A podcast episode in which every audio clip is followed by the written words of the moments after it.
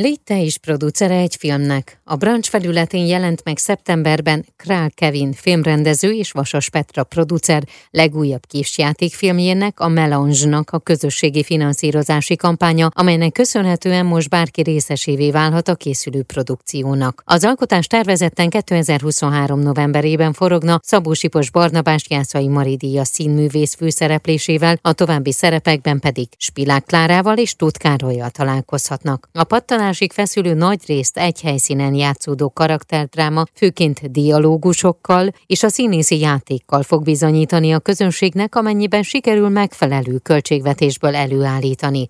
A kampány, amelynek szlogenje Hívj meg minket egy kávéra, hogy mi is meghívhassunk téged, részleteiről Szabó Sipos Barnabással, Jászai Maridéja színművésszel beszélgetek. Amit én tudok róla, uh-huh. ugye, mert azért itt nyilván filmen kapcsolatosan a producer és a rendező, aki ebben ilyen szempontból kompetenciát élvez, tehát amit én tudok róla, ez nyilván egy közösségi finanszírozási rendszer, amit hozzásegíti az alkotókat, vagy bármilyen kezdeményezést ahhoz, hogy ez meg tudjon jelenni, és létre tudjon jönni, testet tudjon ölteni egy gondolat, vagy pedig egy végeletű szellemi kezdeményezés. Ez a brancsközösség.hu weboldalon egyébként mindenki részletesen meg tudja nézni, de akkor most beszélgessünk a Melons című rövidfilm. Miről szól? Te kit alakítasz benne, és miért fogott meg ez a forgatókönyv téged, és ez a történet? Mindenki kapcsolódhat hozzá, egyrészt, mert tehát nyilván az ember életről szól minden, és az, az életben mindenki érdekelt. A másik része pedig az, hogy egy apáról szól, illetve egy férfiről szól, aki, aki szülő is, és aki apa is, és aki, aki gyerek is egyaránt, mert hogy a dolgok nincsenek önmagukban a világban, és ezért fontos az, hogy egyszerre, ha az ember apa is, akkor onnantól hordozom magamban azt a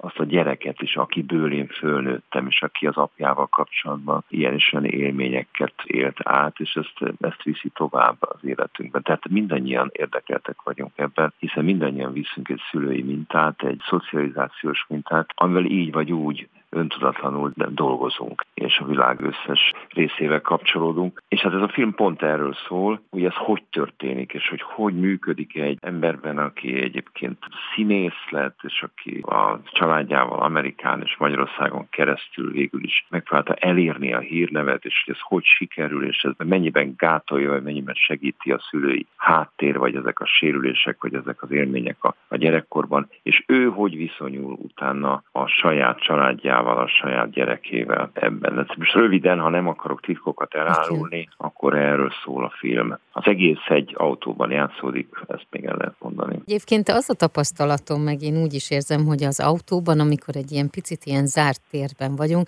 akkor nagyon jó beszélgetések tudnak egyébként megvalósulni, mert hogy megteremtődik az az intim közeg. Kérdés persze az, hogy az autóban kik ülnek. Ugye, hogyha Igen. Ha, ha szeretteink ülnek az autóban, akkor természetesen sok sokszor beszélgetünk, és ezt mindenki ismeri, viszont ugye ez egy ilyen, hogyha egy taxiban ül az ember, ahol egy sofőr van, akkor ott megint más a helyzet. Itt erről van szó, hogy idegenek hogy nyílnak meg egymásnak, és hogy itt tudnak egymásnak üzenetként adni. És ezt ismerjük, néha egy buszmegállóban egy üzenethozó, úgynevezett üzenethozó ember idegenként olyan dolgokat tud mondani, akár egy mondatban, hogy az egész életet meg tudja változtatni, az egész eddigi gondolkodásunkat, stb. stb. És hát ez, ez nagyon izgalmas, hogy ez vajon miért van. Az én magánvéleményem az, hogy azért, mert valójában nincsenek köztünk határok, csak az ember egy ilyen kettős lény, aki egyrészt lehatár, határolt, másrészt pedig ez kapcsolatban van a világ összes más részével, csak ezt a hétköznapokban nem tudjuk átélni, de ilyenkor igen. Igen. Amikor, amikor egyszer csak valaki belép ebbe. Ezben a filmben még szerepel egyébként ugye Spilák Klára, illetve Tóth Károly is, tehát hárman lesznek uh-huh. láthatóak, illetve aki pedig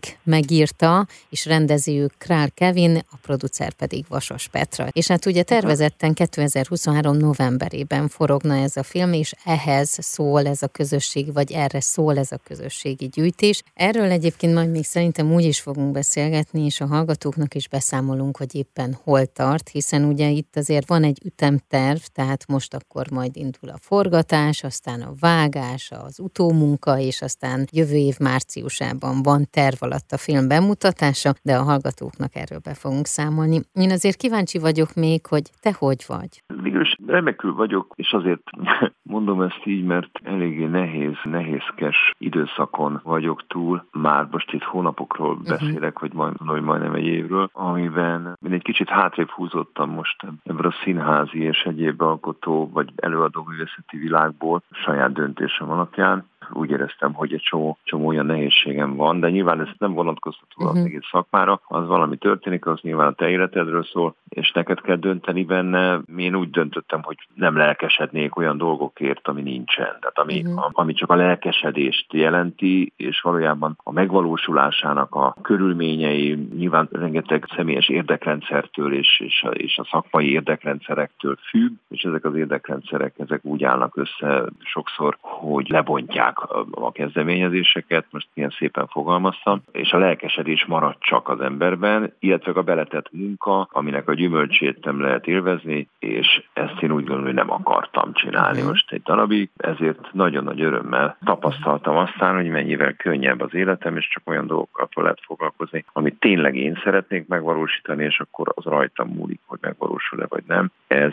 egy kicsit most nem a színház világában van, de ez nem jelenti azt, hogy szakít szakítottam bármilyen olyan előadó művészi tevékenységgel, ami eddig volt, hát hiszen itt van a példája, hogy ez a film is majd nyilván megvalósul. De most egy kicsit így vagyok, és ezért több terem van, belső terem ahhoz, hogy figyeljem, hogy mi dolgom van nekem itt Földön. És a festés? Festésre most ugyanígy van, az is most a maga útján halad belül valahol, nem volt most mondani való arra, hogy a képi világban megjelenjen. De most, ahogy persze most így beszélgettünk, hmm. nyilván, nyilván már más van, mert már tegnap vagy tegnap, tehát a hét elején közben más dolgok is lettek ebbe, más elhatározások, meg dönt döntések nyomán most megint előtérbe kerül valószínűleg. Én egy ideje foglalkozom már olyan tevékenységgel is, ami, ami egy csoportos munka, valójában kicsit képzőművészet, kicsit mégis a nyilvánosság, és egy nagyon egyszerű rendszeren, általam kidolgozott rendszeren vagy tematikán keresztül működik, ami egy gyakorlati és egy kvázi elméleti része ennek a csoportfolyamatnak, és ez egyébként a színeken keresztül impulzust ad a művészi szemlélet, a művészet organikus szemlélete felé, ami azt jelenti,